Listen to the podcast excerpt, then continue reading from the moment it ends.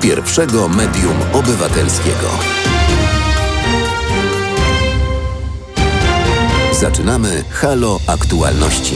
W kalendarzu bardzo ważna data dla nas wszystkich, 11 dzień listopada i w tym wyjątkowym dniu kłaniamy się Państwu nisko zapraszając na Halo Aktualności. Mariusz Szokos, witam.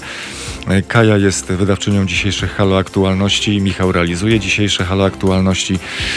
A my zaczynamy od tego, co Państwo mogą zobaczyć na własne oczy już teraz w Białymstoku bo to już drugi tydzień naszej kampanii społecznej Ile kosztuje nas Kościół. Od 9 do 15 listopada nasze kampanijne auto przemierza ulicę Białego Stoku.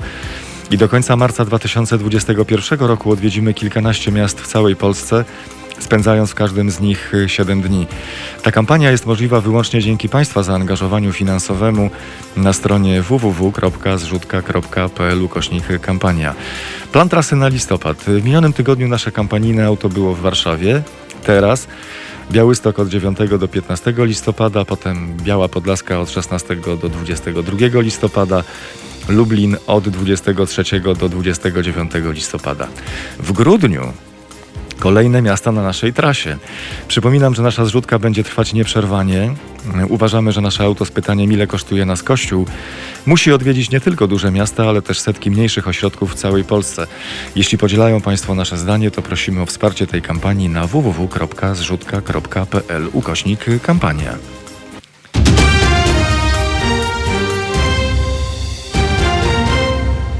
Wyjątkowy dzień i wyjątkowe wydarzenia. E, mamy połączenie z naszym e, korespondentem na ulicach Warszawy, który obserwuje Marsz Niepodległości, Adam Bysiek. Adamie, co się dzieje na mieście? Marcin, słuchaj, przed chwilą, e, Mariuszu, dokładnie przed chwilą podpalono balkon na e, ulicy Alei Jerozolimskiej. To się dosłownie w chwili, kiedy się łączyliśmy.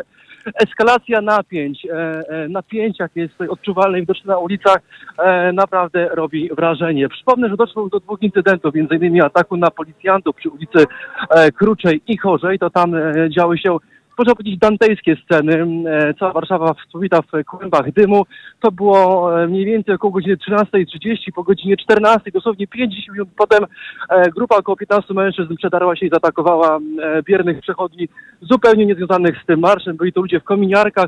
Te same osoby dokonały podpalenia właściwie na moich oczach dwóch w sumie balkonów, jednego przed chwilą, a wcześniej wrzuciły do mieszkania z otwartym oknem około 4-5 fajerwerków dosłownie do wewnątrz tego budynku. To są obrazki, które ja widzę tutaj e, e, na własne oczy, a Państwu staram się je opisać w formie póki co audio. Za niedługo nadzieję, że jakieś wideo na naszą antenę również z tego momentu trafi. Pod jakim, pod jakim hasłem odbywają się, odbywają, odbywa się ten Marsz Niepodległości w tym roku? E, Mariusz, w tym roku tutaj haseł jest z multum. E, Na pewno widzę e, hasło Biała Polska, widzę również e, nasze zasady. To są dwa banery przede mną. Ja jestem teraz na samym czele marszu, właśnie wchodzę na most Poniatowskiego, więc mogę Ci je dokładnie opisać. Na pewno mniejszy jest to marsz niż wcześniej, aczkolwiek jest dużo nowych haseł, bezpośrednio godzących e, w Rafała Trzaskowskiego, prezydenta Warszawy, bezpośrednio również jedną z komercyjnych stacji telewizyjnych. Także e, to są główne motywy przewodnie dzisiejszego spotkania tych ludzi na ulicach. Pamiętajmy, że nie jest to jednak przejazd, to jest w końcu marsz. Tego przyjazdu nie ma, jest tylko kilka tysięcy motocyklistów jadących e, mostem Poniatowskiego, a reszta to po prostu zwarty e, sporej wielkości pochód, ale zaznaczę, na pewno mniejszy niż przed laty. Dla tych z Państwa, którzy mieszkają w Warszawie, dla naszych słuchaczek i słuchaczy, to może być bardzo ważna informacja, gdyby chcieli, na przykład jadąc na, na rodzinny obiad, y, przejechać przez miasto, których arterii, których ulic, y, których punktów w Warszawie w tej chwili, y, które punkty należy omijać. Na pewno Aleje Jerozolimskie, Most Poniatowskiego, rondo Waszyngtona, właśnie tutaj dochodzimy. Ja jestem niespełna około 400 metrów od tego ronda, ale widzę, że jest już tam około 30, to na pewno e, e, policji z kamerami, również umundurowanych e, policjantów, którzy zagrodzili dostęp do tego ronda od strony ulicy Francuskiej, e, podobnie jak ma to miejsce z Mostem Poniatowskiego. Następnie dalej, pochód się rozciąga, ja mam teraz taki dobry widok z góry, bo jestem na takich schodkach tutaj, więc widzę to, co dzieje się mniej więcej z, z lotu ptaka z innej perspektywy. E, Całe Aleje Jerozolimskie Jerozolimskie, począwszy do Pałacu Kultury i Nauki wraz z częścią ulicy Marszałkowskiej, on tu myśli tą część kierunku Mokotowa e, i Żoliborza również jest póki co nieprzejezdna. Dochodzą do mnie informacje od kolegów dziennikarzy, którzy tutaj jedą obok i mają swoich korespondentów również w e, środku tego marszu, że doszło do e, dość dużej, dość sporej interwencji policji. To działo się na ulicy Chorzej i na pewno Kruczej.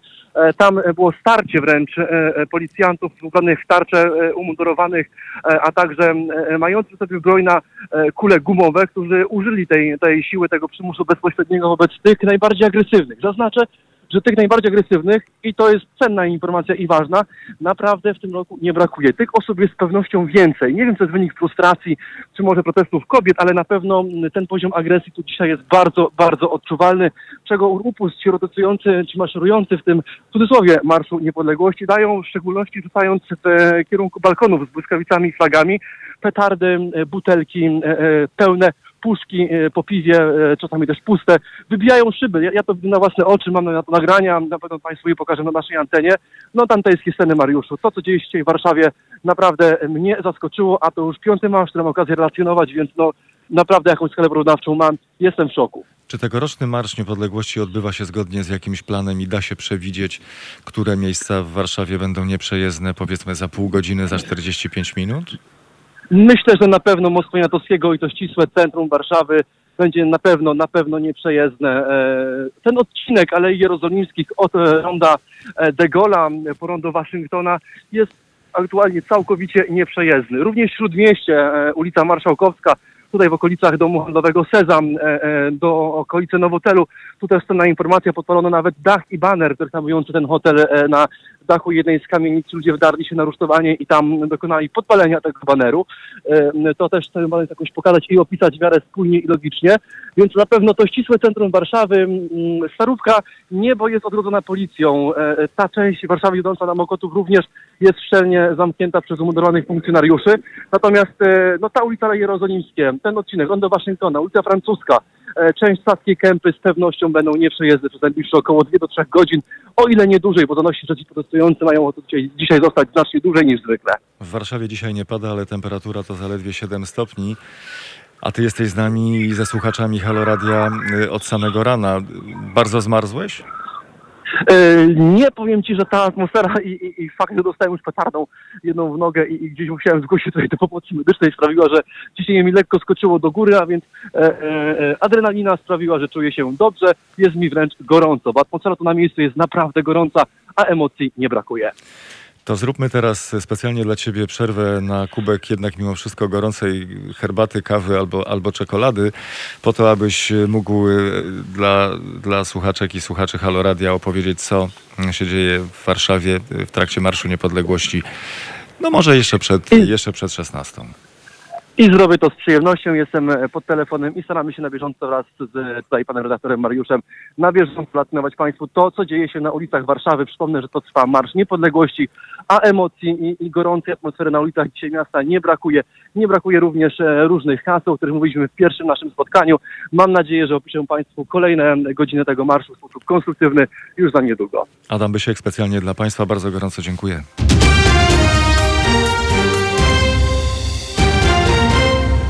Kwadrans po 15 słuchamy Halo Aktualności w jakże wyjątkowym dla nas wszystkich dniu, 11 dzień listopada, ale nie tracimy z pola widzenia tych wszystkich rzeczy, które dzieją się na, na świecie i widzi je także redaktor Zbigniew Stefanik. Co się wydarzyło w Arabii Saudyjskiej? E, Witam pana, witam państwa. Kolejny zamach w Arabii Saudyjskiej, już e, drugi zamach w przeciągu 14 dni e, na francuskich dyplomatów. Dzisiaj podczas em, ceremonii upamiętniającej e, em, 102. rocznicę zakończenia I wojny światowej, e, ceremonię, w której e, brali udział dyplomaci e, kilku konsulatów, e, nie tylko francuskiego, ale również innych konsulatów europejskich, e, doszło do ataku bombowego, e, w wyniku którego e, kilka osób zostało rannych, w tym jest kilku e, ciężko rannych. E, Wszystko wskazuje na to, iż e, za tym atakiem stoi Al-Kaida jednakże na tym etapie nie ma ostatecznego potwierdzenia, jak również e, nikt się na tym etapie do tego ataku mm, nie przyznał. E, Jednakże e, władze francuskie apelują do władz saudyjskich, aby te wyjaśniły mm, to, co władze francuskie nazywają tchórzliwym atakiem. Jednakże warto powiedzieć słów kilka m, z, dotyczących kontekstu tego ataku, ponieważ mamy do czynienia właściwie już z piątym atakiem na Francuzów od momentu e, rozpoczęcia sporu o m, tak zwane karykatury. Jak pamiętamy, mm, tygodnik Charlie Hebdo opublikował, czy też republikował e, karykatury e, proroka Mohameda 1 września tego roku. E, To wszystko działo się w momencie, kiedy rozpoczynał się proces em, 14 oskarżonych o współudział na zamach e, na tygodnik, na tygodnik e, z 7 stycznia 2015 roku. Wówczas rozpoczęła się e, na ten temat debata we Francji, debata, do której e, przyłączył się sam prezydent Francji, który uznał, iż karykatury są we Francji dozwolone, a bluźnierstwo również jest we Francji czymś, co jest dopuszczalne. E, Od tego czasu rozpoczęła się debata we Francji, e, jak i również debata e, na świecie, czy faktycznie karykatury są elementem wolności słowa, czy też są one wyrazem obrazy wobec innej religii. E, 25 wrzesień tego roku dochodzi do ataku przed siedzibą Charlie Hebdo, byłą siedzibą Charlie Hebdo, na dwóch pracowników wytwórni filmowej. Zatrzymany napastnik zeznaje, e, wyjaśnia, iż zamierzał on e, zaatakować redakcję Charlie Hebdo e, i jej dziennikarzy, natomiast nie wiedział on o tym, iż redakcja już nie znajduje się w, miejscu tego ataku. Pamiętamy, iż redakcja Charlie Hebdo została przeniesiona po zamachu na nią w niewiadome miejsce, tak więc zamachowiec z pewnością tego nie wiedział. Em, 16 październik tego roku dochodzi do brutalnego zabójstwa w mieście Conflans-Saint-Honorin. E, Zostaje zaatakowany nożem, wręcz dekapitowany nauczyciel przez e, 18-letniego e, islamisty. E, Wszystko wskazuje na to, iż faktycznie e, doszło do tego ataku e, z inspiracji organizacji e, islamistycznych. 29 październik tego roku dochodzi do dwóch ataków. E, Pierwszy atak e, na kościół katolicki, katedrę e, Notre-Dame de l'Assomption w Nicei, e, ataku w wyniku którego e, giną trzy osoby. E, Tego samego dnia dochodzi do ataku na konsulat francuski w mieście Jeddah w Arabii Saudyjskiej, w wyniku e, którego zostaje ranny pracownik konsulatu, e, a e, sprawca zatrzymany. Wreszcie kolejny atak dzisiaj, e, atak bombowy e, na konsulat e, francuski. E, Słów kilka dotyczących e, tego e, ostatniego ataku, tego, który miał miejsce dzisiaj. Z pewnością e, atak ten nie jest przypadkowy, ponieważ właściwie e, atakuje on e, francuski symbol, symbol, którym e, jest dzisiejsze święto e, dla Francuzów, dla Francji. 11 listopad jest jednym z największych świąt państwowych. Jest to bowiem e, uroczystość zakończenia I wojny światowej, e, wojny, która dla Francji jest jedną z najważniejszych wojen, najbardziej bolesnych wojen e, w swojej historii, tak więc można to potraktować e, ten atak e, jako swego rodzaju odpowiedź islamistów. Wy atakujecie nasze symbole, my atakujemy wasze symbole. E, Wreszcie ten atak można również interpretować jako odpowiedź e, na e, propozycję e, no, swojego rodzaju e, odwilżu w stosunkach, też w, kontaktach światem muzułmańskim przez władze francuskie. Otóż e, w udzielonym wywiadzie e, telewizji Al Jazeera e, Emmanuel Macron stwierdził, iż rozumie on tych wszystkich, którzy czują się urażeni karykaturami, jednakże nigdy nie będzie akceptacji nad sekwaną e, dla gwałtu i przemocy. Em, Następnie minister spraw zagranicznych Jean-Yves udał się w podróż na Bliski Wschód, no właśnie, aby łagodzić atmosferę i stosunki pomiędzy Francją a em, częściami państw świata muzułmańskiego. Zdaje się jednak, że e, no, ta oferta e, nie została przyjęta e, i tak należy ten atak rozumieć. Warto również postawić pewne pytanie, czy Emmanuel Macron nie popełnił pewnego błędu, stawiając właściwie państwo francuskie e, na tej samej płaszczyźnie, em, co Charlie Hebdo. Otóż przypominam, 7 styczeń 2015 roku dochodzi do ataku na tygodnik satyryczny Charlie Hebdo. Wówczas prezydent e, François Hollande, czyli poprzedni prezydent Francji, potępia te ataki. E, ubolewa, we Francji rozpoczyna się żałoba narodowa, jednakże prezydent Francji e, nie mówi o karykaturach jako o elemencie wolności słowa. Ten element e, nie pojawia się w narracji państwowej. E, i tutaj prezydent e, koncentruje się wówczas na żałobie narodowej na tym, iż zaatakowano e, wolne media, e, zaatakowano Francuzów, zaatakowano Francję, także nie ma elementu dotyczącego karykatur, nie ma elementu, iż e, karykatury są elementem no de facto francuskiej tożsamości narodowej i kulturowej. Ten element wprowadza Em- Emmanuel Macron do dyskusji o atakach terrorystycznych, który no, w wyniku debaty, czyli republikacji karykatur z 1 września, no właściwie stawia siebie, a zarazem państwo francuskie, ponieważ jest jego najwyższym przedstawicielem, e, no właśnie po tej samej stronie e, co Charlie Hebdo e, i właściwie przenosi całą tą debatę na inną płaszczyznę. Tak naprawdę Charlie Hebdo równa się państwo francuskie, karykatury są elementem wolności słowa nadsekwaną, E, tak więc ta płaszczyzna ułatwia tak naprawdę konsolidację no właśnie radykalnych organizacji, ponieważ no w tym momencie jest stworzony pewien e, no pewien e, leitmotiv nic założycielski. Tak, atakujemy Francję, ponieważ Francja stawia się e, po tej samej stronie co Charlie Hebdo, czyli już nie mówimy o wolnych mediach, tylko właściwie mówimy o narracji państwowej e, i to państwo obraża nas, obraża naszą kulturę, w związku z powyższym e, należy ją atakować. Tak więc być może tutaj prezydent popełnił błąd, no właśnie utożsamiając państwo e, z tymi karykaturami, e, albowiem no w tej, w tej chwili stworzył swojego rodzaju, no właśnie, mit założycielski działalności terrorystycznej, być może em, doprowadzi to do jeszcze większej eskalacji niż ma to miejsce obecnie. E, No wreszcie kwestie e, związane e, z potencjalnymi perspektywami na przyszłość. Jak uda się ten konflikt rozwiązać? No, można właściwie założyć dwa scenariusze. Z jednej strony być może dojść do eskalacji. Dlaczego? Jak wiemy, organizacje terrorystyczne rywalizują między sobą. Al-Kaida, Al-Nosra, Daesh, Boko Haram e, i e, wiele innych. Być może więc dojdzie do licytacji e, na to, kto e, mocniej uderzy w państwa e, zachodnie, w tym we Francję i jej sojuszników. Tak więc e, w tym negatywnym scenariuszu być może dojść do eskalacji zamachów, e, tak w Europie, e, jak na świecie. To jest bardzo prawdopodobne.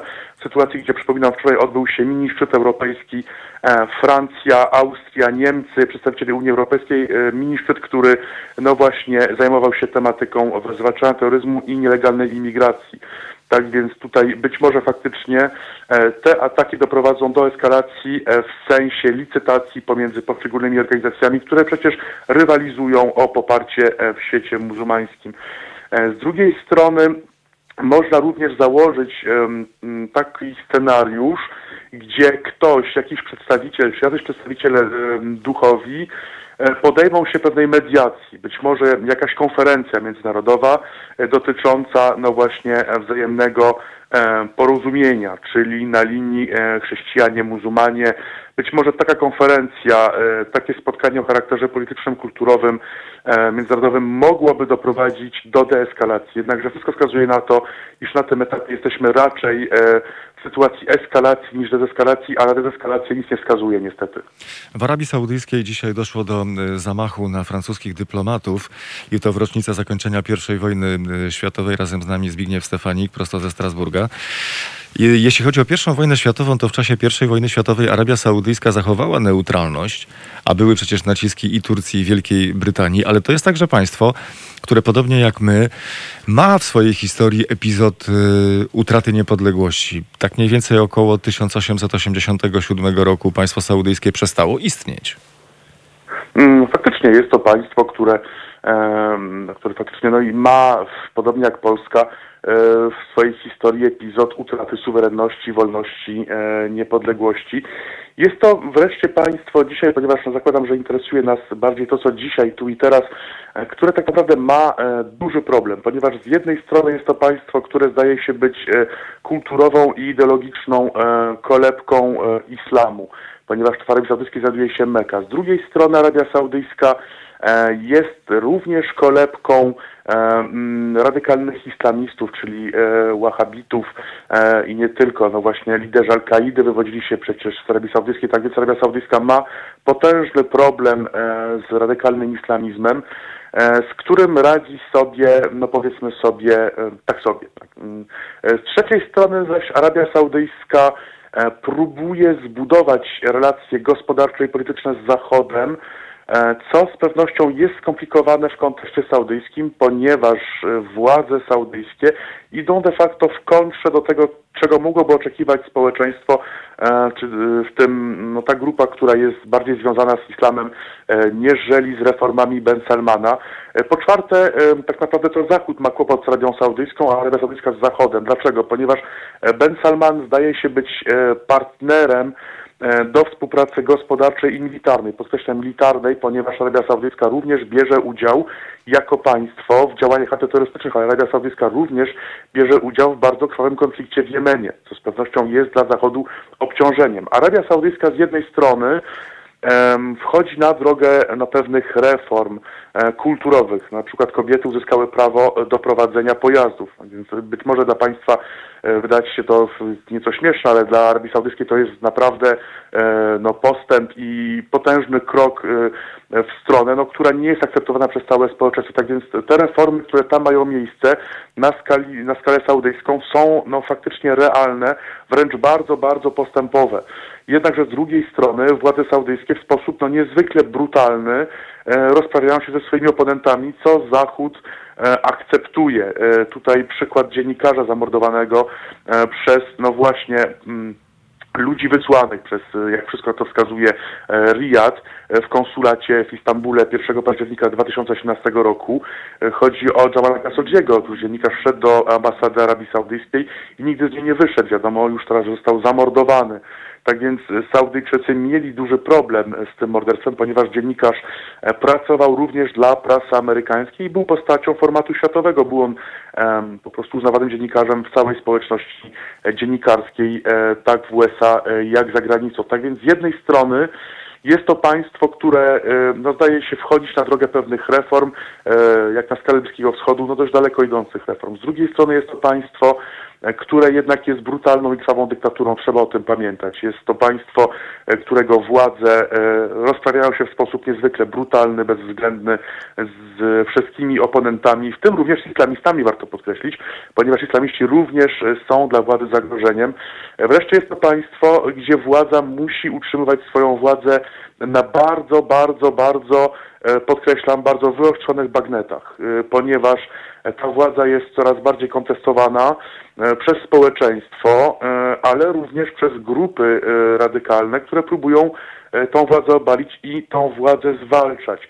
Z jednej strony władza saudyjska prowadzi stosunki gospodarcze, militarne, polityczne z Zachodem. Ben Salman był na przykład e, gościem we Francji, również Donald Trump miał z nim bardzo dobre stosunki, co zresztą było kontestowane e, przez nawet część jego obozu politycznego po zabójstwie e, Khashoggiego. Z drugiej strony zaś Saudyjczycy muszą tak zwalczać organizacje e, dżihadystyczne, aby e, nie rozzłościć ich za bardzo e, ponieważ faktycznie te organizacje są coraz silniejsze, cieszą one się dużym poparciem e, i w sytuacji, gdzie doszłoby do takiego otwartego mm, otwartej konfrontacji pomiędzy władzą saudyjską e, a tymi organizacjami, e, to nie wiadomo, kto mógłby wyjść z tego zwycięską ręką. Tak naprawdę obecnie atutem saudyjskich władz, e, saudyjskiej władzy, tak by należało to nazwać, jest to, że organizacje dżihadystyczne są podzielone.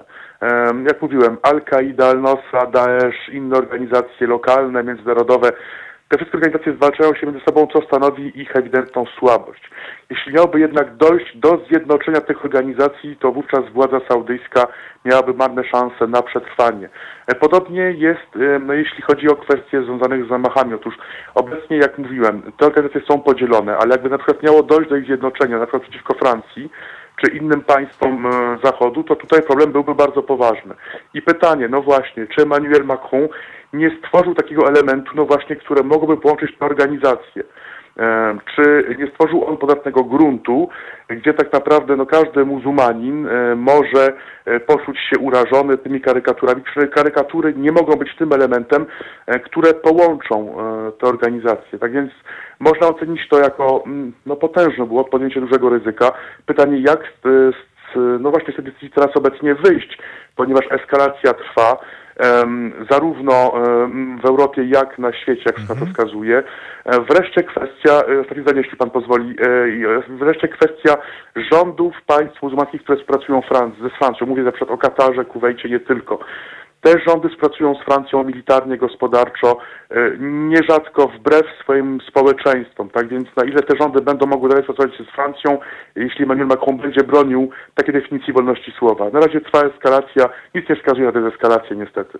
Dziś doszło do zamachu na francuskich dyplomatów. Doszło do nich w Arabii Saudyjskiej w rocznicę zakończenia I wojny światowej. Redaktor Zbigniew Stefanik prosto ze Strasburga. Dziękuję serdecznie, życząc miłego dnia. Dziękuję, miłego dnia i tyle zdrowia. A jeszcze dziś między 17 a 19 w Halo Radio Marcin Górski w swojej audycji przedstawi nam historię innych państw, które, tak jak my, też musiały się wybijać na pewnym etapie swojej historii na niepodległość.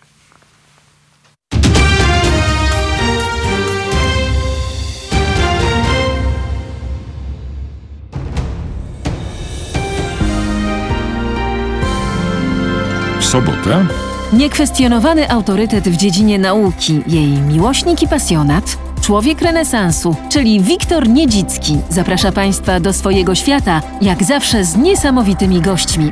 Halo Nauka Wiktora Niedzickiego od 17 do 19. www.halo.radio. Słuchaj na żywo, a potem z podcastów.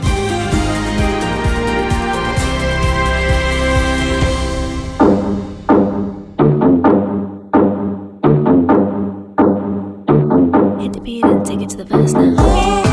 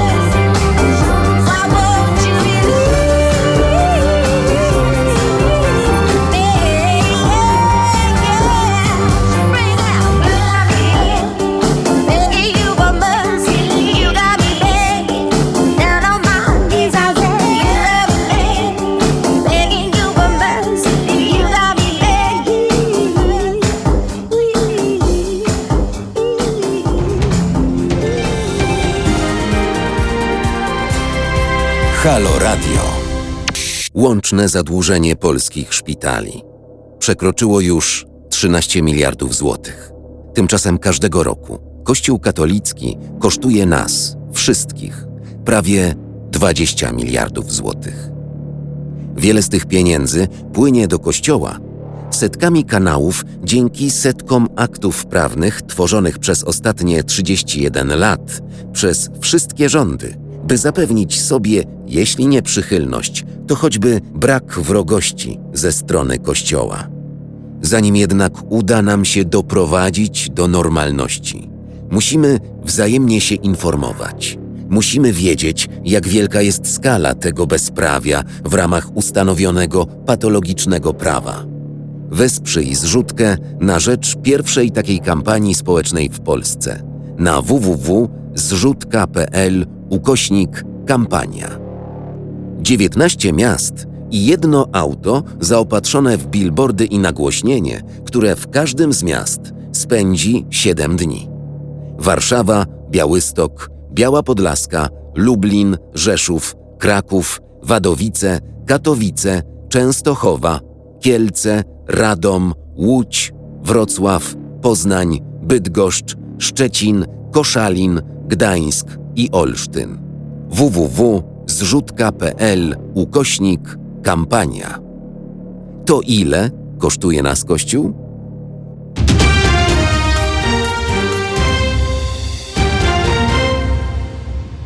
Już jutro rano w poranku Mariusza Gzyla y, pojawi się profesor Stanisław Obirek, który skomentuje na bieżąco aktualną sytuację Kościoła katolickiego. Raport Watykanu dotyczący kardynała Theodora McCarricka został skomentowany przez papieża Franciszka, który mówi papież Franciszek o wykorzenianiu zła z Kościoła. Na ile to jest możliwe? I jak to, jak to ma wyglądać?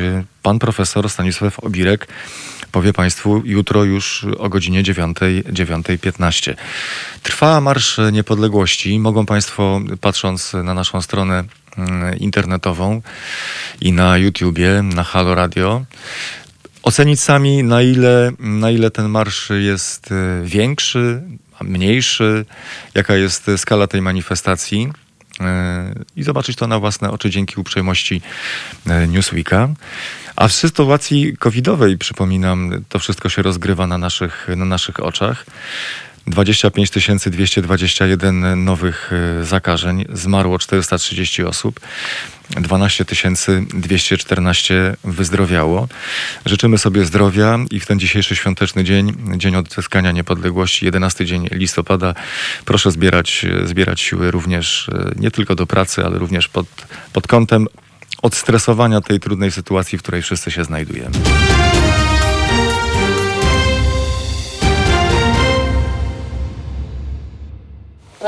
Za 13 minut, y, godzina 16, za chwilę na naszej antenie. Badacz kultury i medioznawca, doktor habilitowany nauk politycznych Jacek Wasilewski, z którym być może słyszymy się już w tej chwili. Dzień dobry panu, kłaniam się nisko. Dzień dobry, kłaniam się. Czym dla pana jest y, wolność? No właśnie zwykle się mówi, że wolność to jest możliwość podejmowania wyborów, e, jakichś dostępnych, które mamy e, w granicach e, takiej świadomości i wolnej woli. Czyli jeżeli uważamy, że w ogóle mamy wolną wolę, no to, no to wtedy możemy w ramach tej wolnej woli podejmować e, jakieś wybory. Natomiast istnieją też takie koncepcje, że wiele rzeczy jest zdeterminowanych na górze, na przykład, że wszystkie losy są są już e, przesądzone i my tylko wypełniamy to, co dla nas zapisano. No i to wtedy jest przykro, bo tej wolności nie mamy, ale też możemy nic nie żałować, bo po prostu tak miało być. E, no i jest jeszcze ta koncepcja, że wolność to uświadomiona konieczność, czyli e, czyli my, jeżeli mamy jakąś świadomość i wiemy, co powinno być, no to wolność jest właśnie wyborem tego, e, co powinno być. No i dla mnie E, najmilszą koncepcją wolności jest e, chyba ta koncepcja wolnego wyboru, kiedy ja mam jakieś opcje i mogę pomiędzy nimi wybrać i rzeczywiście jest to mój wybór świadomy, zależny ode mnie, a nie od moich uwarunkowań biologicznych, nacisków zewnętrznych, a nie innych takich rzeczy. Więc e, wolność to jest posiadanie wolnego wyboru, ale jednocześnie trochę odległy od swobody, czyli czyli to nie jest tak, że ja mm, nie muszę nic brać pod uwagę i mogę robić cokolwiek chcę, bo wtedy nie ma przyjemności z wolności. Pamięta. Pan, mhm. Pamięta pan taką y, y, sytuację ze swojego życia, kiedy y, w tym właśnie sensie musiał się pan wybijać na niepodległość? No właśnie nie, no bo jeżeli na przykład bierzemy sobie żonę albo męża, no to, e, no to wtedy oddajemy część swojej wolności, bo właśnie tak nam jest przyjemnie, bo tego chcemy, tak? Więc to jest właśnie wolny wybór, a nie, a nie pozbycie się swojej wolności, tak jak czasami się słyszy na, na wieczorach kawalerskich. Więc e, chyba najbardziej taką sytuacją związaną z uświadomieniem sobie e, takiej wolności e, takiego momentu wolności jest to, jak się ma dziecko i wtedy właśnie to jest ta uświadomiona konieczność, że kiedy się chce je mieć, no to wtedy trzeba te wszystkie ob obowiązki na siebie wziąć. I, taka, mm, i taki moment e, wybijania się na niepodległość w tym sensie, że ja tak chciałem i ja teraz mam no nie chcę powiedzieć swój krzyż, ale, mm, ale mam to, czego chciałem, no to to jest, y, y, to zabiera trochę czasu. A mówię to też dlatego, że mój syn ma dzisiaj urodziny i, i to jest i to jest zawsze taka refleksja związana z tym, że, e, że jednak to jest takie świadome, wolne ograniczenie wolności. Proszę przekazać, proszę przekazać gorące i serdeczne życzenia y, synowi z naszej, z naszej strony, ze strony Haloradia. Doktor habilitowany nauk politycznych Jacek Wasilewski jest razem z nami. Jeśli spojrzy pan na sytuację społeczno-polityczną w Polsce, cieszymy się wolnością? E, Cieszymy się wolnością w ograniczonym zakresie, w tym sensie, że e, żeby była e, wolność, to musi być pewna zgoda na dany stan rzeczy, tak? Czyli wolność jest możliwa tylko w demokracji, a demokracja to nie jest kwestia wyborów, zwanych wolnymi wyborami, ale, ale również na przykład coś takiego jak możliwość wysłuchania. Czyli jeżeli nie ma wysłuchanych wszystkich głosów, to po to są różne instytucje jak Sejm, Senat i tak dalej, gdzie mamy swoich reprezentantów. Jeżeli na przykład jedna partia blokuje e, wszystkie poprawki drugiej partii i przegłosowuje bez dyskutowania o niej, no to wtedy takiego poczucia wysłuchania czy wzięcia pod uwagę głosu nie ma. A jeżeli nie ma tego wzięcia pod uwagę głosu, to czujemy się niewysłuchani. Jak czujemy się niewysłuchani, to jesteśmy frustrowani, bo uważamy, że e, ten kraj nie jest urządzony tak, jakbyśmy chcieli i nie ma w nim możliwości kompromisu. I to jest pierwsze takie poczucie, poczucie braku wolności związane z tym, że nie możemy na równi z innymi uczestniczyć w debacie publicznej. Druga rzecz związana z, mm, z tym i konsekwencja tego jest taka, że, mm, że gdzieś tam się próbuje upchać prawo, czy tam ścieżkę, e, puścić prawo taką ścieżką po boku, czyli nie normalnie przez procedowanie sejmowe, tylko przez jakąś instytucję, która, e, która może nam takie prawo zapewnić bez dyskusji. No i to oczywiście też jest pogwałcenie, pogwałcenie wolności. Tu mówię o tym, że to Trybunał Konstytucyjny zdecydował o tym, co powinno być mm, e, treścią referendum społecznego albo przynajmniej debaty publicznej i potem, i potem sejmowej. Więc y, myślę, że tutaj, e, tutaj mamy pewien, e, pewien brak wolności. I jeszcze jest jedna kwestia związana z, z tym brakiem wolności, mianowicie, mianowicie my jako jednostki mamy tak, jesteśmy w tak silnie skonfliktowanym społeczeństwie, w którym nie możemy się realizować jako e, właśnie jednostki, tylko jako grupy. Czyli nie może być tak, że ktoś jest na przykład nieheteronormatywny i, i, i chce się cieszyć tak, taką swoją wolnością, ponieważ musi się przystosować, musi wybrać sobie na przykład, y, żeby był mężczyzną albo kobietą, a nie żeby był niebinarną jakąś osobą. Więc, więc tutaj takiej wolności życia po swojemu my jeszcze nie mamy. I, e, I wydaje się, że, że dla jednych to jest zagrożeniem wolności, a dla innych to jest, to jest jakby niemożność rea- realizowania swojej wolności. Bez debaty na ten temat, e, też wolnej, jakby my, my nigdy nie dojdziemy do takiego poczucia, że wiemy, na czym polega wolność innych i na czym polega wolność nasza. Lubi pan podróże, podróżuje pan po świecie, obserwuje pan kulturę, nie tylko naszą, ale też y, kulturę innych krajów. Mm, Jak, jak to wygląda z pana perspektywy pod kątem, pod kątem wolności, wyrażania siebie, również na tym obszarze? Y, Pierwsza kwestia to jest y, kwestia mm, mojego miłego spojrzenia na kraje skandynawskie, gdzie rzeczywiście uwielbiam, e, uwielbiam być.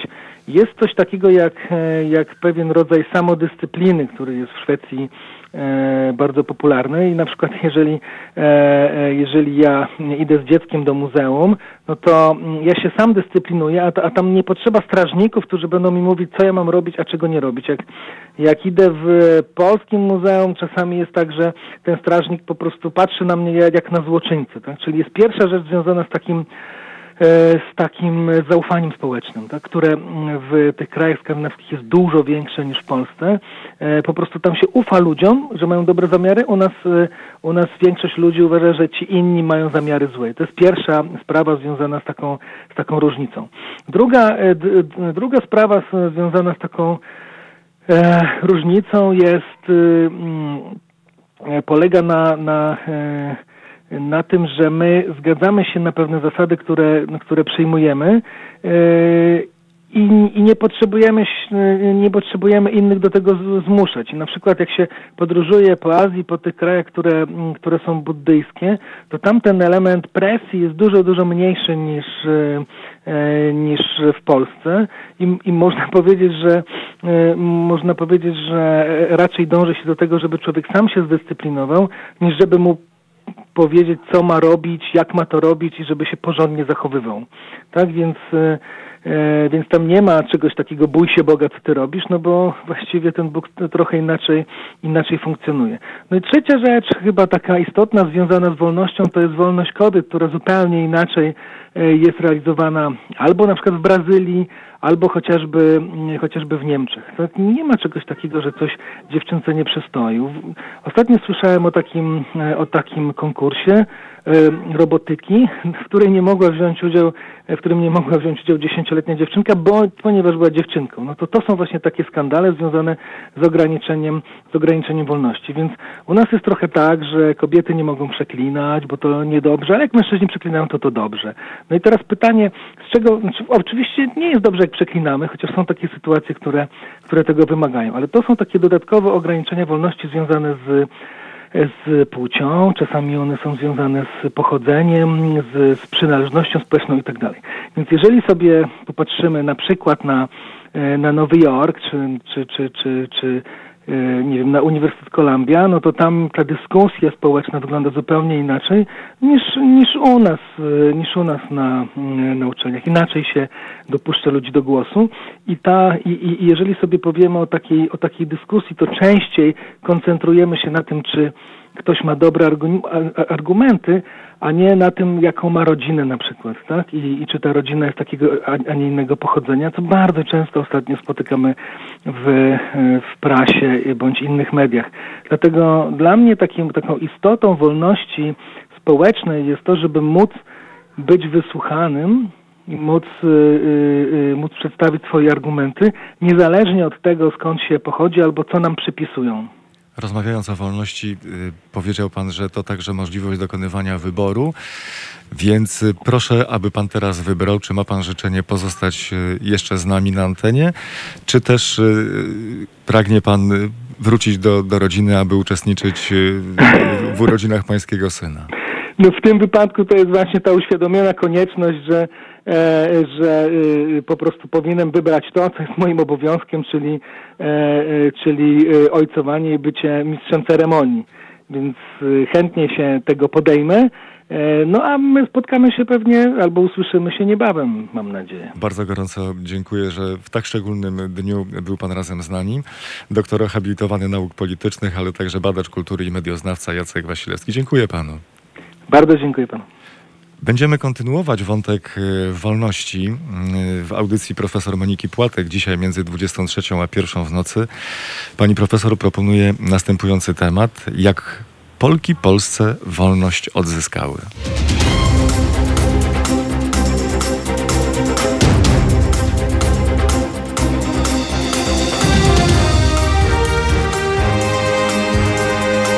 Minęła 16. Słuchacie Halo Radia, pierwszego medium obywatelskiego. To są Halo Aktualności. Mariusz Okos, zapraszam Państwa na ciąg dalszy Halo Aktualności. Już y, za chwilę były dyplomata, a także prezes Ośrodka Analiz Strategicznych y, Witold Jurasz. Będzie Państwa i moim y, gościem. Będziemy rozmawiać o wolności. Jak pan Witold Jurasz postrzega to zjawisko, czym dla niego jest wolność. Już drugi tydzień naszej kampanii społecznej Ile kosztuje nas Kościół? Trwa. Od 9 do 15 listopada nasza kampanijne auto przemierza ulicę Białego Stoku. Do końca marca 2021 roku odwiedzimy kilkanaście miast w całej Polsce, spędzając y, w każdym z nich 7 dni. Ta kampania jest możliwa wyłącznie dzięki Państwa zaangażowaniu finansowemu na stronie www.zrzutka.pl ukośnik kampania. Plan trasy na listopad. Y, W zeszłym tygodniu mieliśmy y, nasze kampanijne auto w Warszawie. Teraz będą Państwo mieli i już mają w Białymstoku od 9 do 15 listopada. Później Biała Podlaska od 16 do 22 listopada i w Lublinie od 23 do 29 listopada. Potem grudzień i w grudniu kolejne miasta na naszej trasie. Nasza zrzutka będzie trwać nieprzerwanie. Uważamy, że nasze auto z pytaniem, ile kosztuje nas kościół, musi odwiedzić nie tylko duże miasta, ale też setki mniejszych ośrodków w całej Polsce. Jeśli podzielają Państwo nasze zdanie, to prosimy o wsparcie tej kampanii na www.zrzutka.pl ukośnik kampania.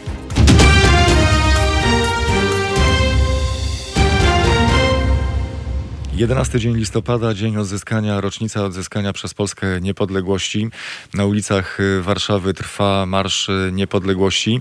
Na ulicach Warszawy także nasz reporter Adam Bysiek. Adamie, co dzieje się w tej chwili na ulicach stolicy? Mariuszu, marsz to nam opowiedziane, jeżeli ktokolwiek z Państwa miał wrażenie, że w XXI wieku nie może zobaczyć terroru i e, przestępców na ulicach, w kominiarkach, to dzisiaj jest ten dzień e, idealna okazja, na ulicach stolicy e, to zjawisko zobaczyć. E, ciężko nazwać spacerującymi osoby, które e, wybijały szyby, podpalały balkony, e, a także atakowały dziennikarzy. Przy mnie zaatakowano dziennikarzy wirtualnej Polski, również mnie jako dziennikarza i reportera naszej redakcji. Poleciały w naszym kierunku pełne puszki po piwie na literę H, wulgaryzmy. Mojemu koledze, reporterowi z innej redakcji wrzucono do kaptura petardę, która wybuchła. W wyniku tego na miejscu musiała pojawić się karetka.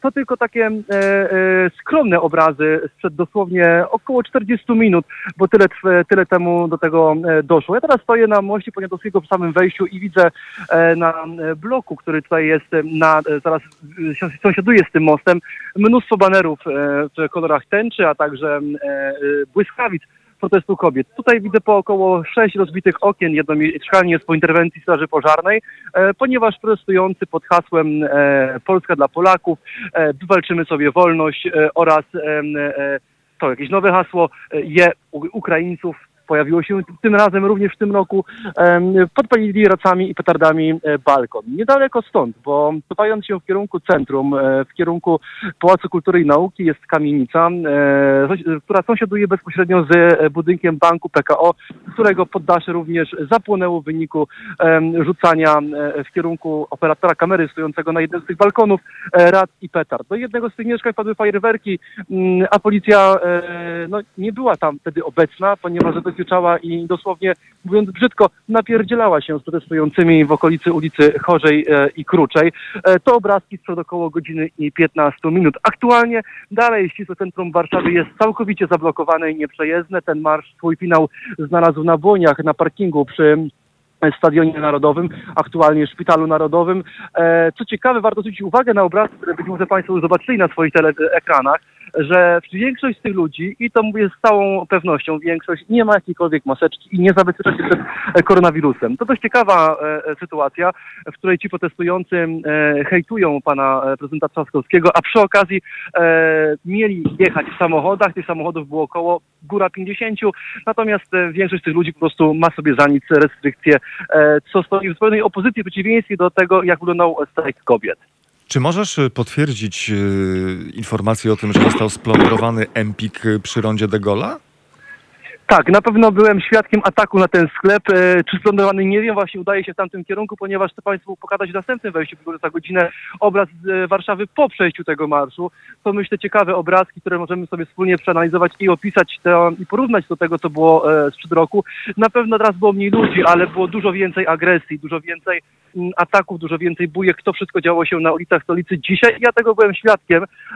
Szanowni Państwo, fakt, że e, te rzeczy dokonywały się, mówię to z całą stanowczością, pod godłem i szyldem Najświętszej Panienki, a także Świętego Krzyża, który jest już legendarnym symbolem tego marszu, e, naprawdę e, kuły po oczach.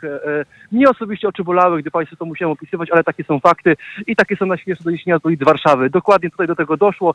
Cały czas mm, e, już małe grupki ludzi, ale przemieszczają się w kierunku Stadionu Naro- Narodowego. Ja aktualnie cofam się kilka e, set metrów w drugą stronę, w kierunku centrum, bo jak powiedziałem, chcę Państwu opisać właśnie sytuację z tym sklepem Empik. E, To są e, na pewno sprawdzone, doniesienia. Ocenię skalę tego i Państwu na pewno wiarygodnie i obiektywnie opiszę.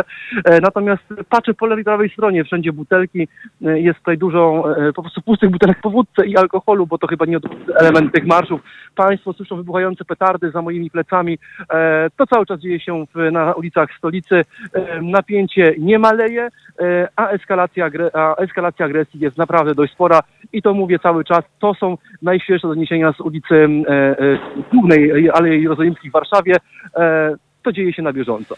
Specjalnie dla Państwa reporter Haroldia Adam, Adam Bysiek, z którym będziemy łączyć się ponownie, aby przedstawił i pokazał Państwu aktualny obraz y, tego, co dzieje się, tego, co dzieje się w Warszawie w dniu odzyskania przez Polskę niepodległości, w dniu 11 listopada. A już za chwilę połączymy się z prezesem Ośrodka Analiz Strategicznych i byłym dyplomatą, y, panem Witoldem Juraszem i porozmawiamy o wolności.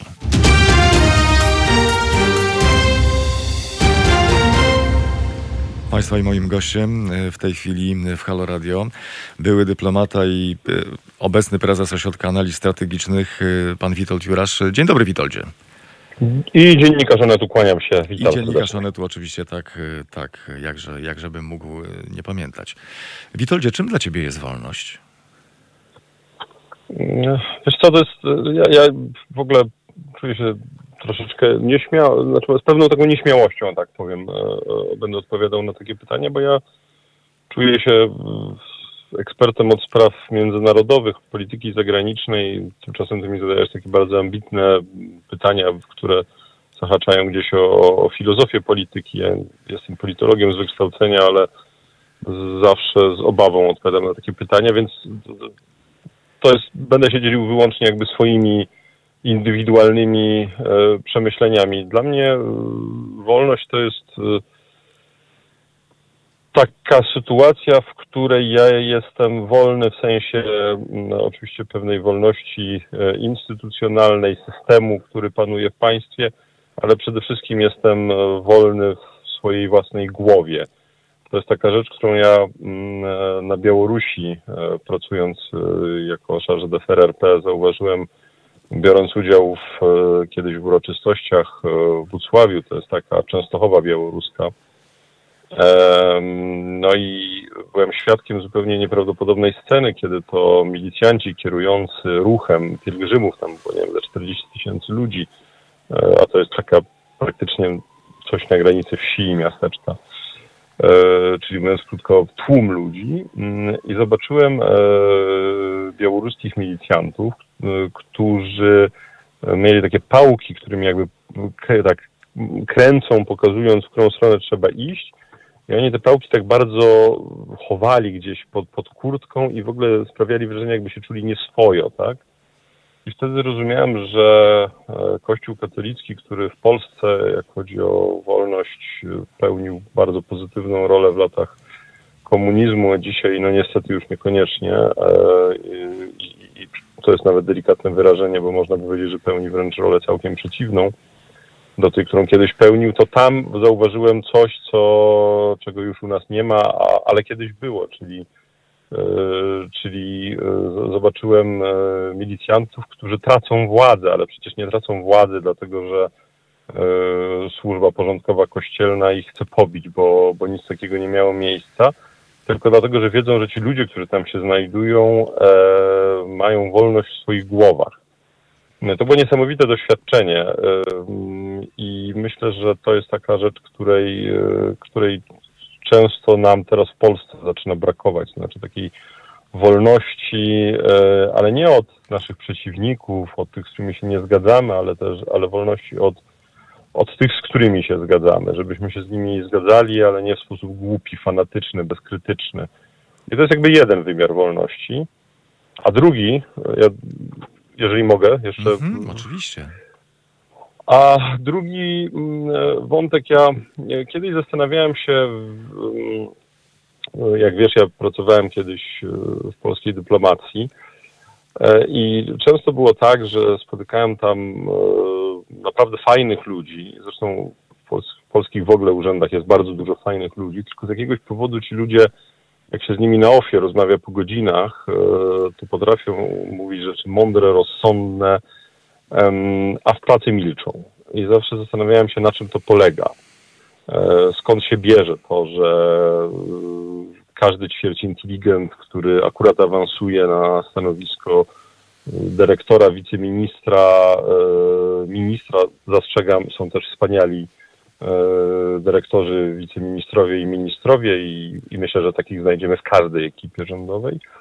No ale jest też niestety dużo tych niekoniecznie mądrych. No i, i na, na czym polega ten mechanizm, że oto mm, mądrzy ludzie tak łatwo, je, że nie mają tej, tej wolności w sobie, żeby powiedzieć nie.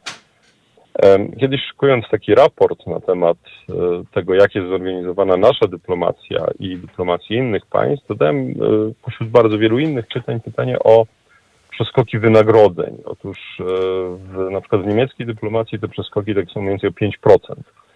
Czyli innymi słowy, dyrektor departamentu, który zarabia powiedzmy, nie wiem, 6 tysięcy euro, jeżeli podpadnie, no po pierwsze nie jest go łatwo wyrzucić, ale jeżeli się go już, lub też może nie wyrzucić, ale w każdym razie yy, usunąć ze stanowiska dyrektorskiego, wraca do domu i mówi, słuchaj kochanie, do swojej małżonki, czy, czy, czy ewentualnie męża, no nie będę zarabiał 6 tysięcy, będę zarabiał 5800. I to jest tak szczerze powiedziawszy, że no albo 5600. Czyli ta różnica jest bardzo niewielka. W Polsce e, przeskok e, jest e, taki, że przeciętny urzędnik zarabia powiedzmy, nie wiem, Ministerstwie Spraw Zagranicznych te 4 tysiące, później jest naczelnik, który zarabia 6, a później jest wicedyrektor, który zarabia 11-12.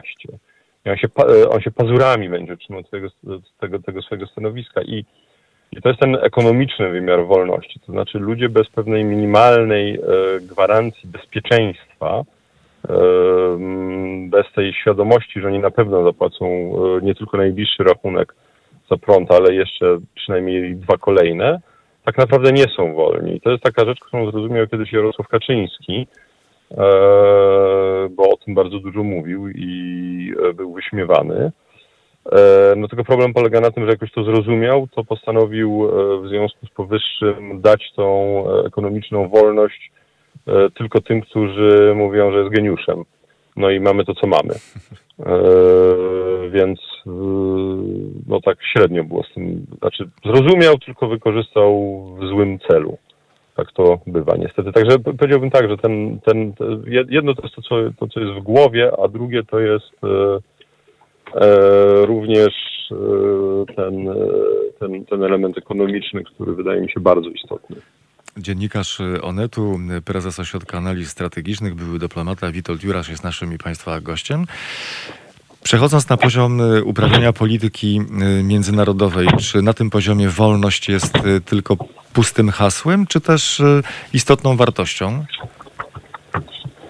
E, Jest wartością e, i powiedziałbym tak, że jest wartością, która będzie w, na pewno wracać w jakimś stopniu, dlatego że niezależnie od tego, że e, Trump nie był aż takim szkodnikiem, jak, chodzą, jak, jak chcą jego e, przeciwnicy, chociaż teraz okazuje się szkodnikiem wybitnym, e, bo to, co wyprawia, to jest demolowanie amerykańskiej em, demokracji.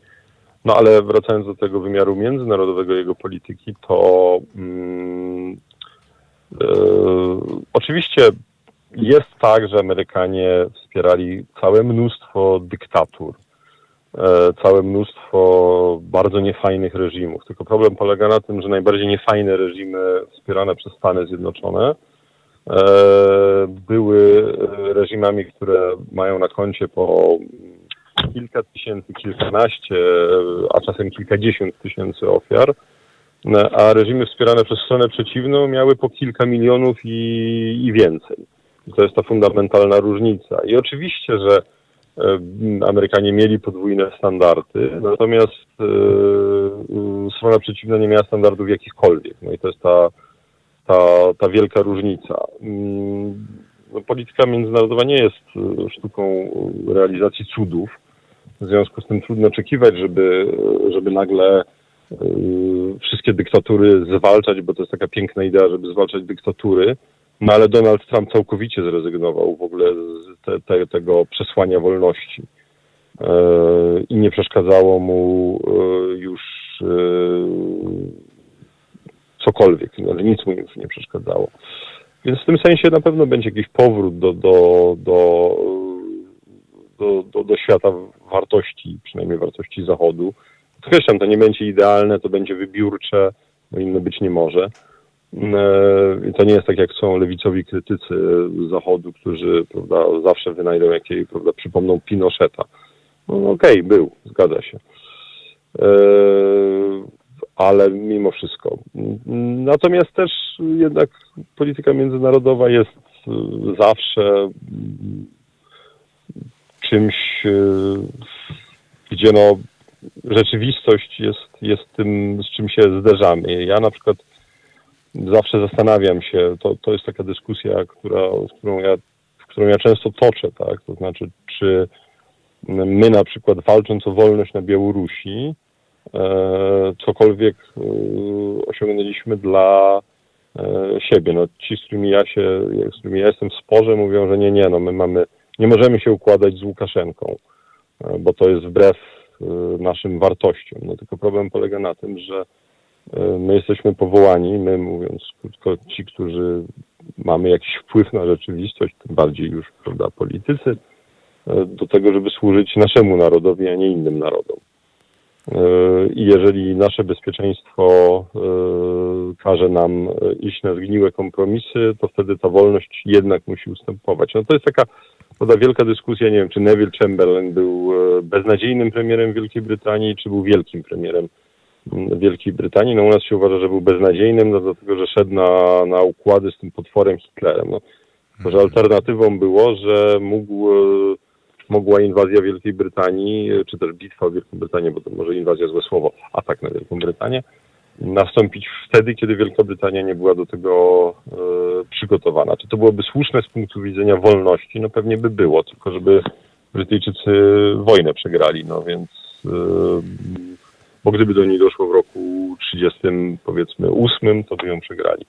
Dlatego polityka międzynarodowa no, jest, e, jest zawsze brutalną sztuką e, realizacji interesu i czasami jest tak, że to, co jest amoralne, jest w istocie, co się wydaje amoralne, jest w istocie moralne i tak naprawdę wolności służy.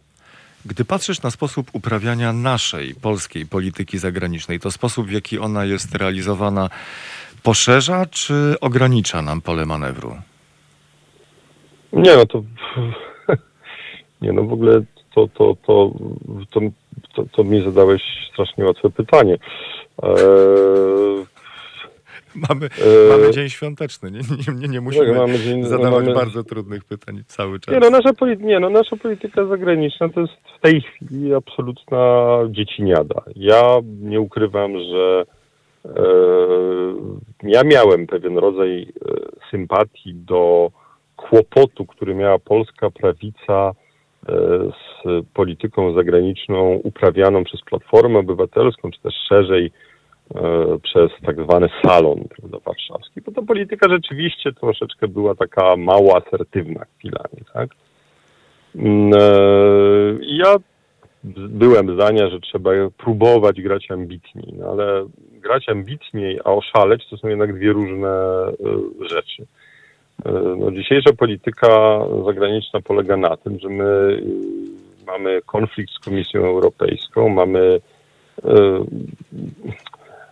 nie najlepsze relacje z Berlinem. No oczywiście one nie są też, nie można powiedzieć, że są złe, tak, dlatego że współpraca gospodarcza, jesteśmy razem w Unii, w NATO, etc., etc., więc jest tych elementów, no ale one są znacznie gorsze niż kiedyś, prawda, yy, były. Mamy tak naprawdę bardzo mało sojuszników, yy, no nie wiem, w sprawie praworządności to nas wspiera Orban.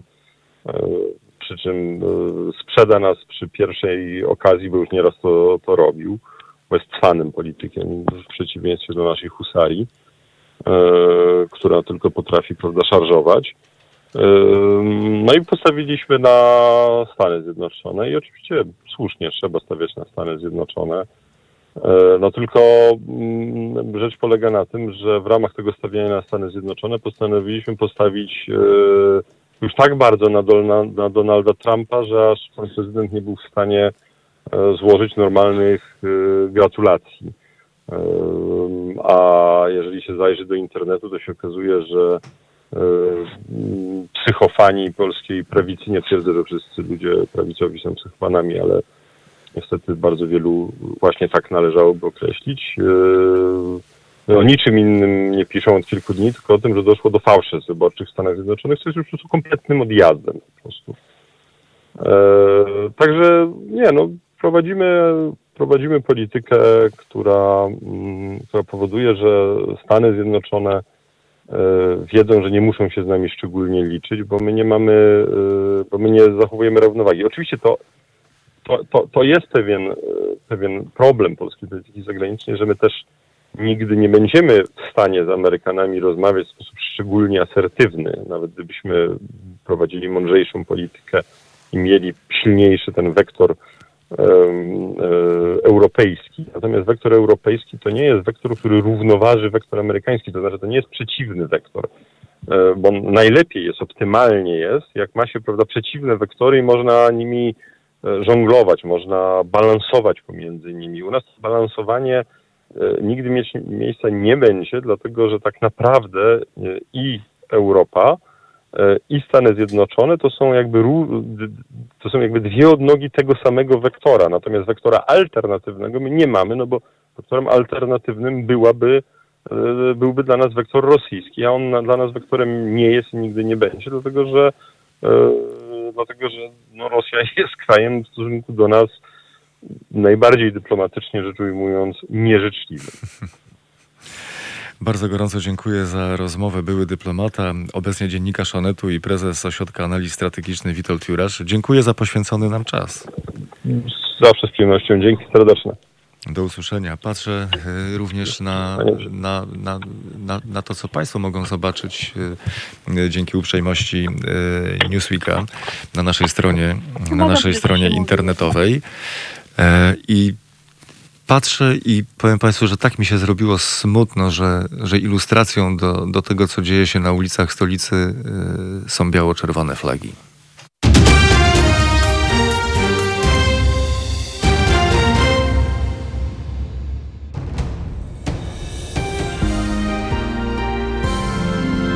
W sobotę? Od 15 do 17 Mariusz Gzyl zaprasza do świata motoryzacji prawo, bezpieczeństwo, biznes na kółkach i wszystko, co chcecie wiedzieć bez względu na to, czy jeździcie jako kierowca, czy jako pasażer. Halo Moto Mariusza Gzyla od 15 do 17. www.halo.radio. Słuchaj na żywo, a potem z podcastów.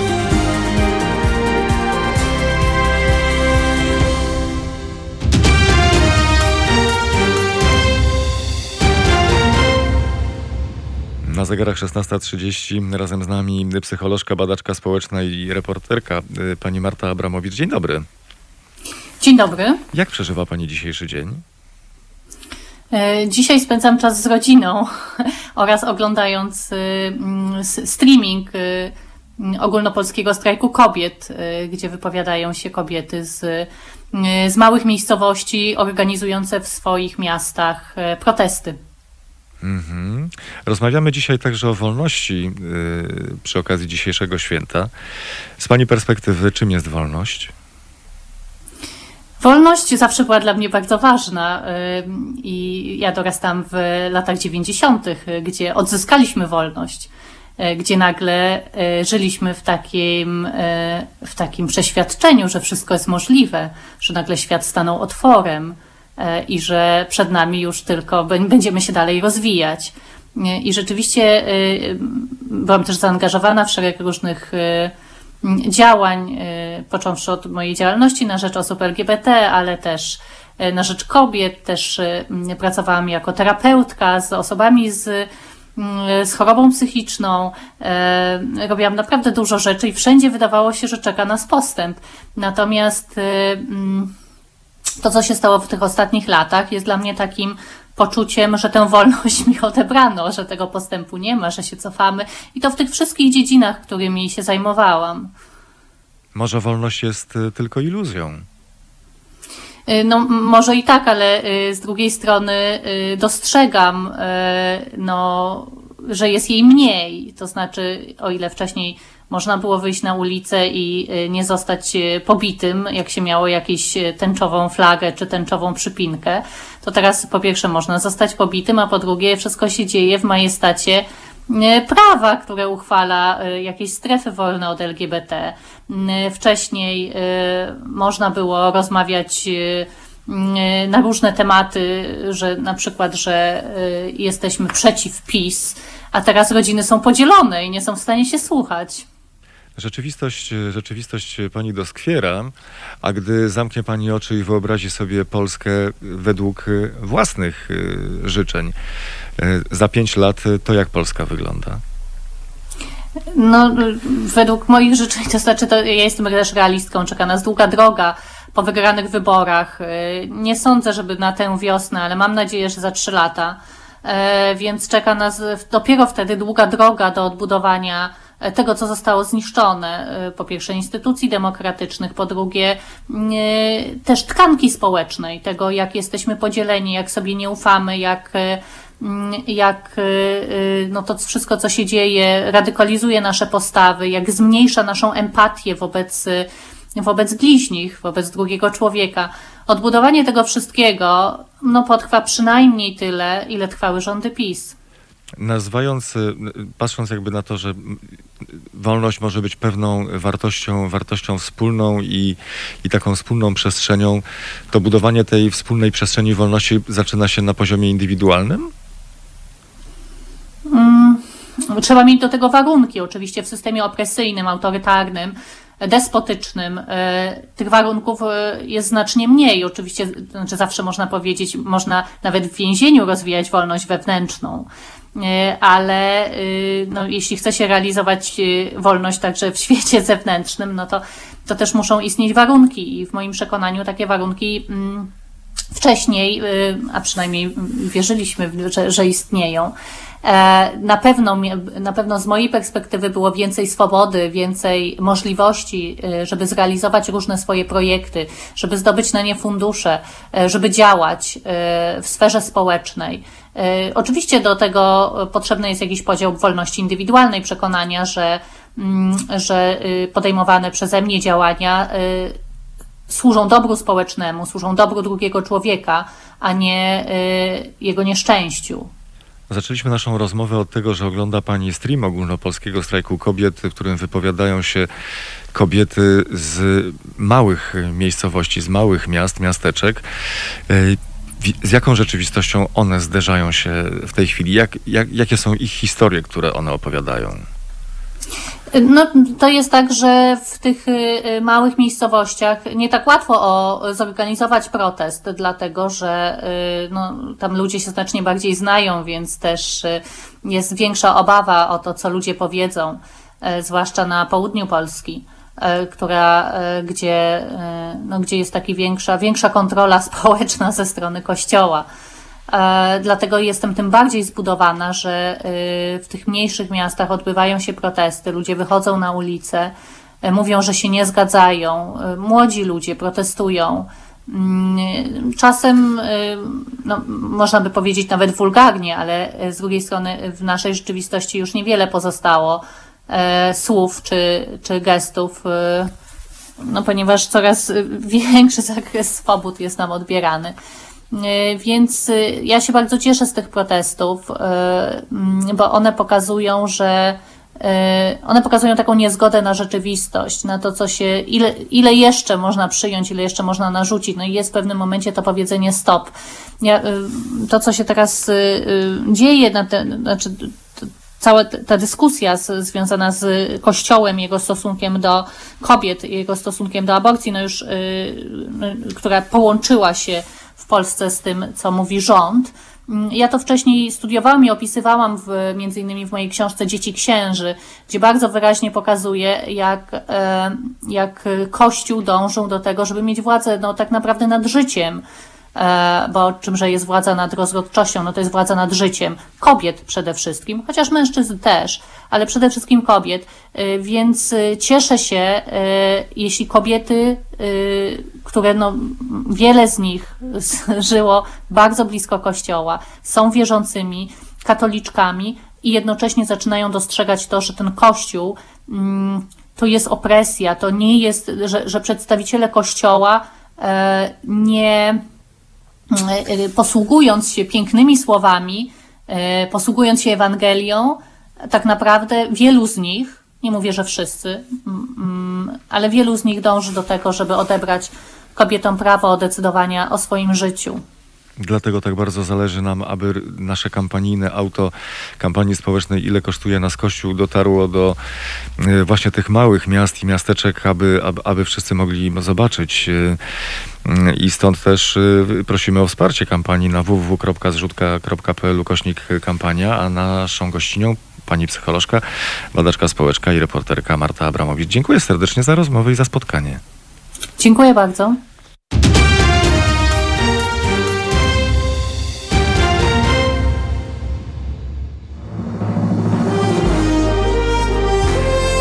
Halo Radio.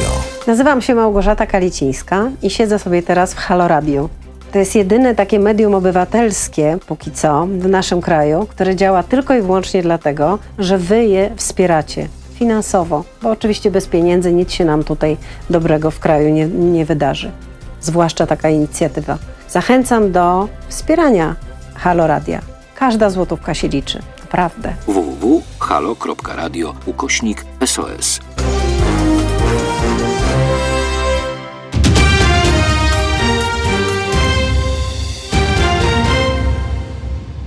Razem z nami dziennikarka prasowa i radiowa, autorka książek fotograficznych pani Magdalena Rigamonti. Dzień dobry pani. Dzień dobry, panie redaktorze. Jak samopoczucie, jak zdrowie?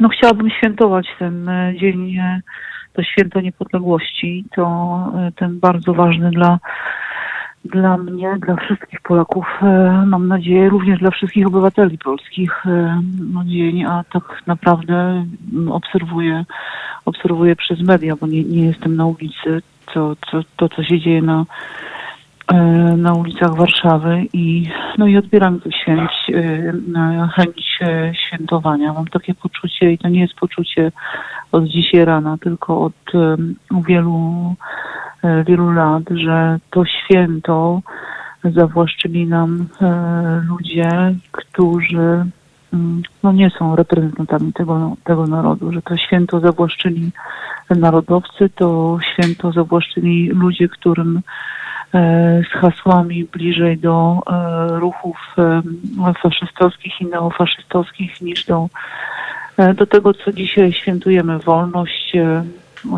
niepodległość. No i to, to, to taka na początek, na początek e, smutna wypowiedź, ale no, niestety no, nie ma się z czego cieszyć. Uczestników tak zwanego Marszu Niepodległości jest y, mniej niż rok temu, niż dwa lata temu. Czy to Ale by... są. Mhm. Ale czy to i- można na tej podstawie wyciągnąć wniosek, że to w jakiś sposób się wygasza, czy po prostu sytuacja covidowa jest, jest taka? No, Rafał Trzaskowski, prezydent e, miasta stołecznego Warszawy, e, e, marszu. Robert Bąkiewicz, szef Marszu Niepodległości, szef mazowieckiego ONR-u i jednocześnie szef e, Straży Narodowej. Przypominam, że zachęcamy w orędziu przez Jarosława Kaczyńskiego do do tego, żeby czynnie działać, żeby czynnie bronić kościołów, czynnie sprzeciwiać się strajkowi kobiet i protestom, które miały miejsce nie tak dawno e, e, na ulicach. E, mm, To on stoi za tym Marszem Niepodległości, to on e, e, zakrzyknął, żeby jego mm, zwolennicy, bo tak chyba tych ludzi trzeba e, trzeba nazwać, już dawno nie mają nic wspólnego z, z patriotyzmem, tylko z jakąś e, uliczną szarpaniną.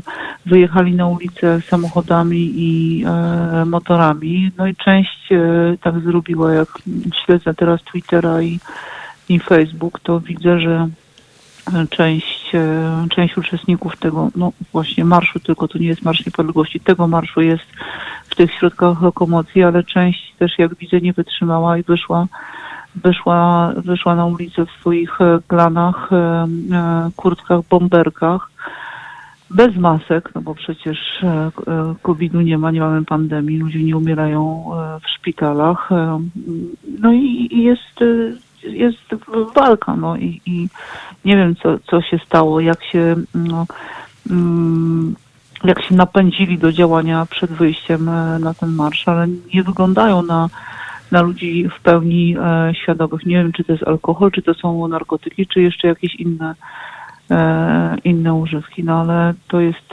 szaleństwo, w zasadzie szaleństwo to mogło być pozytywne słowo, to jest przemoc, to jest, e, to są zachowania, które policja powinna, na które policja powinna od razu e, reagować i tych ludzi po prostu wywozić do, do jakichś e, aresztów. Tak się nie dzieje na razie. Chyba, że macie Państwo bardziej, trzymacie bardzo, bardziej rękę na pulsie i coś się zmienia.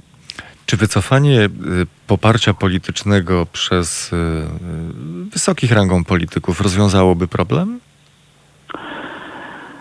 E, Westchnęłam, dlatego że to poparcie z roku na rok dla Marszu Niepodległości, dla Roberta Ponkiewicza, dla ONR-u rośnie.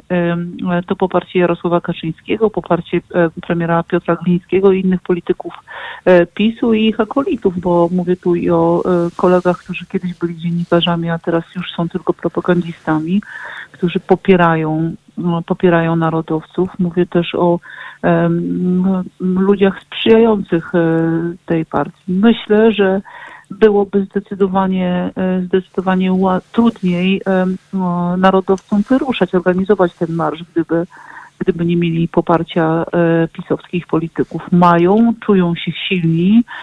Ja mam takie nawet poczucie pewnego takiego, w tym roku to już w zasadzie zbratania się Jarosława Kaczyńskiego i jego e, mm, e, prawego obozu z e, narodowcami. Mam też tak, takie poczucie, a w zasadzie jest to pewność, że mm, cały obóz rządzący, wspomniałam tu Piotra Glińskiego, nie wiem czy, czy pan kojarzy, ale Piotr Gliński kilka dni temu mm, przy okazji otwierania, otwierania jakiejś, jakiejś wystawy poinformował, że organizuje, e, organizuje konkurs i teraz nie chcę tu e, nie chcę tu pomylić całkowicie tematu konkursu, ale miało to związek z ruchem narodowym e, w Polsce. Kto pisze najlepiej, zilustruje najlepiej ruch narodowy w Polsce, ten dostanie jakąś, jakąś nagrodę Ministerstwa Kultury, a więc Słodko. placówki, placówki rządowej, ale tak naprawdę placówki, e, placówki publicznej, więc za nasze nagroda e, dla tego kogoś będzie mm, fundowana z pieniędzy, z pieniędzy publicznych. No ale jak sobie wspominam, co pan premier Gliński mówił mi e, dwa lata temu, również tuż przed Marszem Niepodległości, wtedy, przypominam, nie było e, pandemii, e, mm, PiS wyraził zgodę na, na ten marsz, wspierał, e, wspierał ten marsz, a e, premier Piotr Gliński mówił o tym, że ma legitymację do tego, żeby wydawać publiczne pieniądze, no bo został e, demokratycznie wybrany przez e, naród, e, demokratycznie wybrany przez, e, przez suwerena, więc teraz też ma legitymację do tego, żeby płacić za takie konkursy, płacić nagrody w takich konkursach. Czy widzi pani po drugiej stronie politycznego sporu kogokolwiek, kto mógłby odwrócić ten proces? No, widzę, że w tym w, w, wśród ludzi wspierających wspierających e, strajk kobiet, e, wśród ludzi wspierających e, te marsze, protesty kobiet i mężczyzn jest ogromne poparcie dla, dla Marty Lempart, przywódczyni strajku e, kobiet obok e, pani Klementyny Suchanow.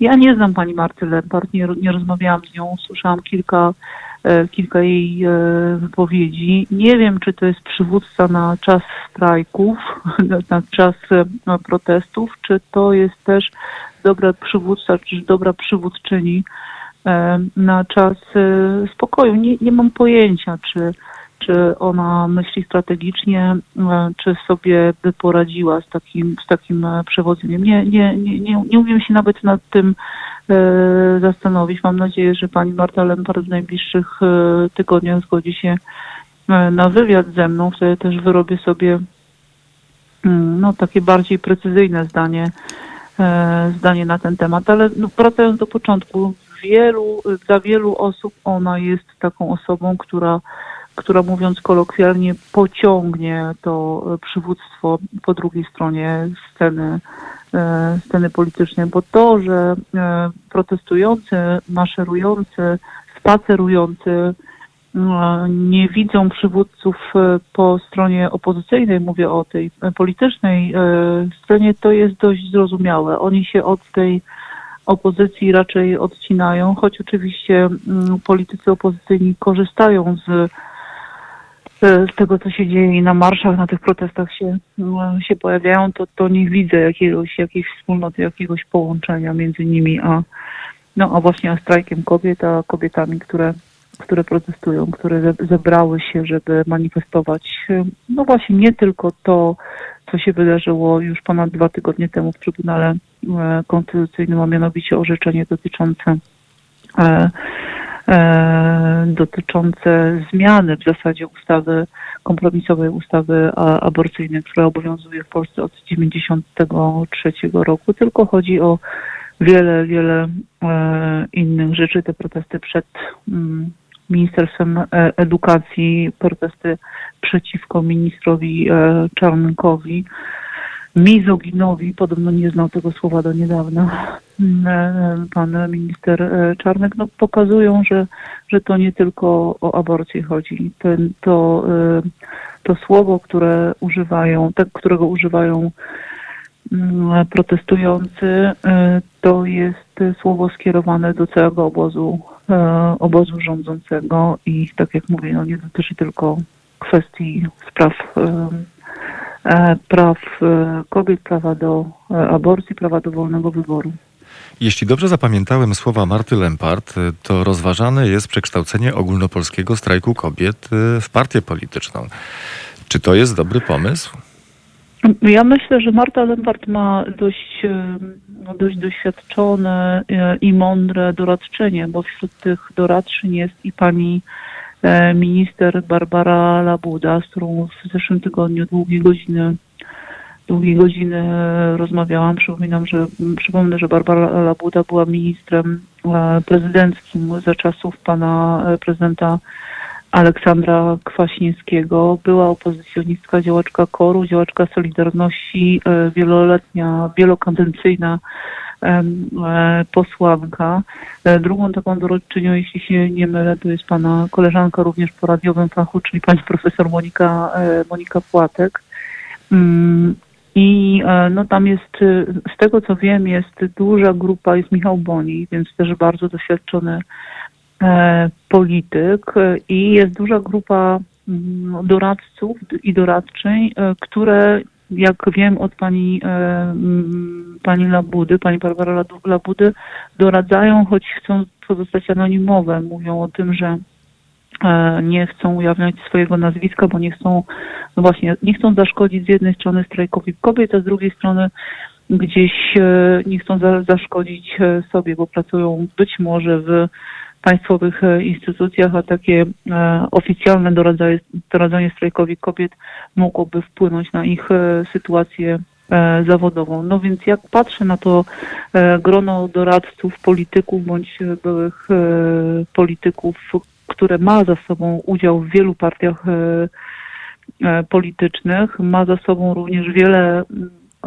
wiele porażek, to ci ludzie mogą widzieć takie światełko e, w tunelu, w tym strajku kobiet i w Marcie Lempart taką e, nadzieję na to, że tym razem może się udać, że tym razem to jest ruch, który może przerodzić się w bardzo silną partię, która może przejąć e, władzę w Polsce. No takie, nie chcę powiedzieć mrzonki, ale takie, takie marzenia tam się na pewno gdzieś e, prze, pojawiają.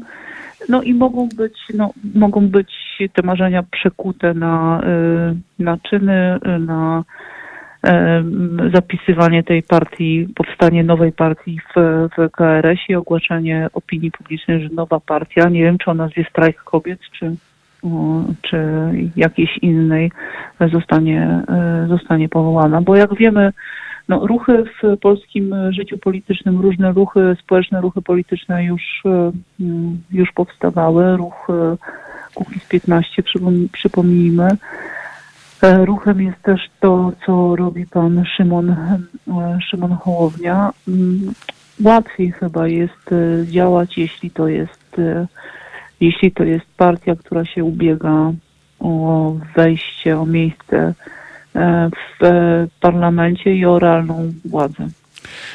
A więc wracając, nie mam żadnych, żadnych przesłanek, nie mam żadnych podsłuchów czy nasłuchów, E, w tej kwestii, ale mm, no, no, próbuję zakładać, że tak się może stać. Mhm. Czy na koniec naszego dzisiejszego spotkania może Pani zaprosić do lektury najbliższego wywiadu, który udało się Pani przeprowadzić?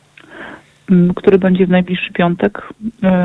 E, byłam na planie, e, byłam na planie filmu, żeby nie było śladów. To film na podstawie książki Cezarego Łazarewicza o E, pobiciu, zabójstwie Grzegorza Przemyka w 1983 roku, a w zasadzie film o i książka o e, wielkich manipulacjach, jak i system komunistyczny i ludzie w nim e, zarządzający, ludzie w nim e, stojący mm, dokonywali, żeby te zbrodnie ukryć, żeby te zbrodnie e, zagrzebać, żeby nie ukarać tych, którzy rzeczywiście E, rzeczywiście zawinili. E, ten film reżyseruje Jan e, Matuszyński, ten sam, który wyreżyserował serial Król, który jest teraz na podstawie książki Twardocha, który jest teraz na antenie Kanal Plus. Król dzieje się, proszę Państwa, w 1937 roku, dwa lata przed II wojną światową i zaczyna się sceną mm, wielkiej bitwy pomiędzy narodowcami ONR-owcami, a socjalistami. Dzisiaj byśmy powiedzieli, dzisiaj byśmy powiedzieli e, lewakami. Sami sobie Państwo odpowiedzcie, z czym nam się e, to kojarzy i czy przypadkiem nie z dzisiejszymi e, czasami o tym, o tych od, odniesieniach, o tych odnośnikach do współczesności i z króla z 1937 roku i z Mm, żeby nie było śladów z 83 roku będę rozmawiać. W zasadzie już rozmawiałam, wywiad jest e, gotowy. Jutro idzie do druku. W piątek się ukazuje w Dzienniku Gazecie Prawnej. Rozmawiałam z Janem, z Janem e, Matuszyńskim, reżyserem, uwaga, rocznik 1984. Natomiast e, chyba mm, jednym z najważniejszych reżyserów w Polsce. Przypominam, że jego ostatnia rodzina, film o rodzinie Beksińskich, o Tomku Beksińskich, Beksińskim, o malarzu Zdzisławie Beksińskim. Jest wielki, wielki światowy a, sukces, więc dziękuję, że mogłam, mogłam powiedzieć, bo ten wywiad to też polityka, chociaż z reżyserem kulturalnym robiącym fabularne filmy. Dziennik Gazeta Prawna już w piątek e, będziemy przypominać. Hmm. Dziennikarka prasowa i radiowa, autorka książek faktograficznych Magdalena Rigamonti dzisiaj razem z nami. Dziękuję serdecznie za spotkanie, dziękuję za rozmowę. Dziękuję, panie redaktorze. Do widzenia. Do widzenia. Już za chwilę Marcin Górski, między innymi o krajach, które tak jak Polska też miały taki epizod w swojej historii, gdy musiały się wybijać na niepodległość i o tę niepodległość walczyć, a potem ją utrzymać. Nie jesteśmy tu naprawdę żadnym wyjątkiem, co pokaże, co pokaże Państwu Marcin Górski. A my też Państwu dziękujemy za dzisiejsze spotkanie. Hala Aktualności. Kaja była wydawczynią dzisiejszych Halu Aktualności. Michał realizował dzisiejsze Halo Aktualności. Mariusz Okos, dziękuję. Do usłyszenia. Miłego dnia.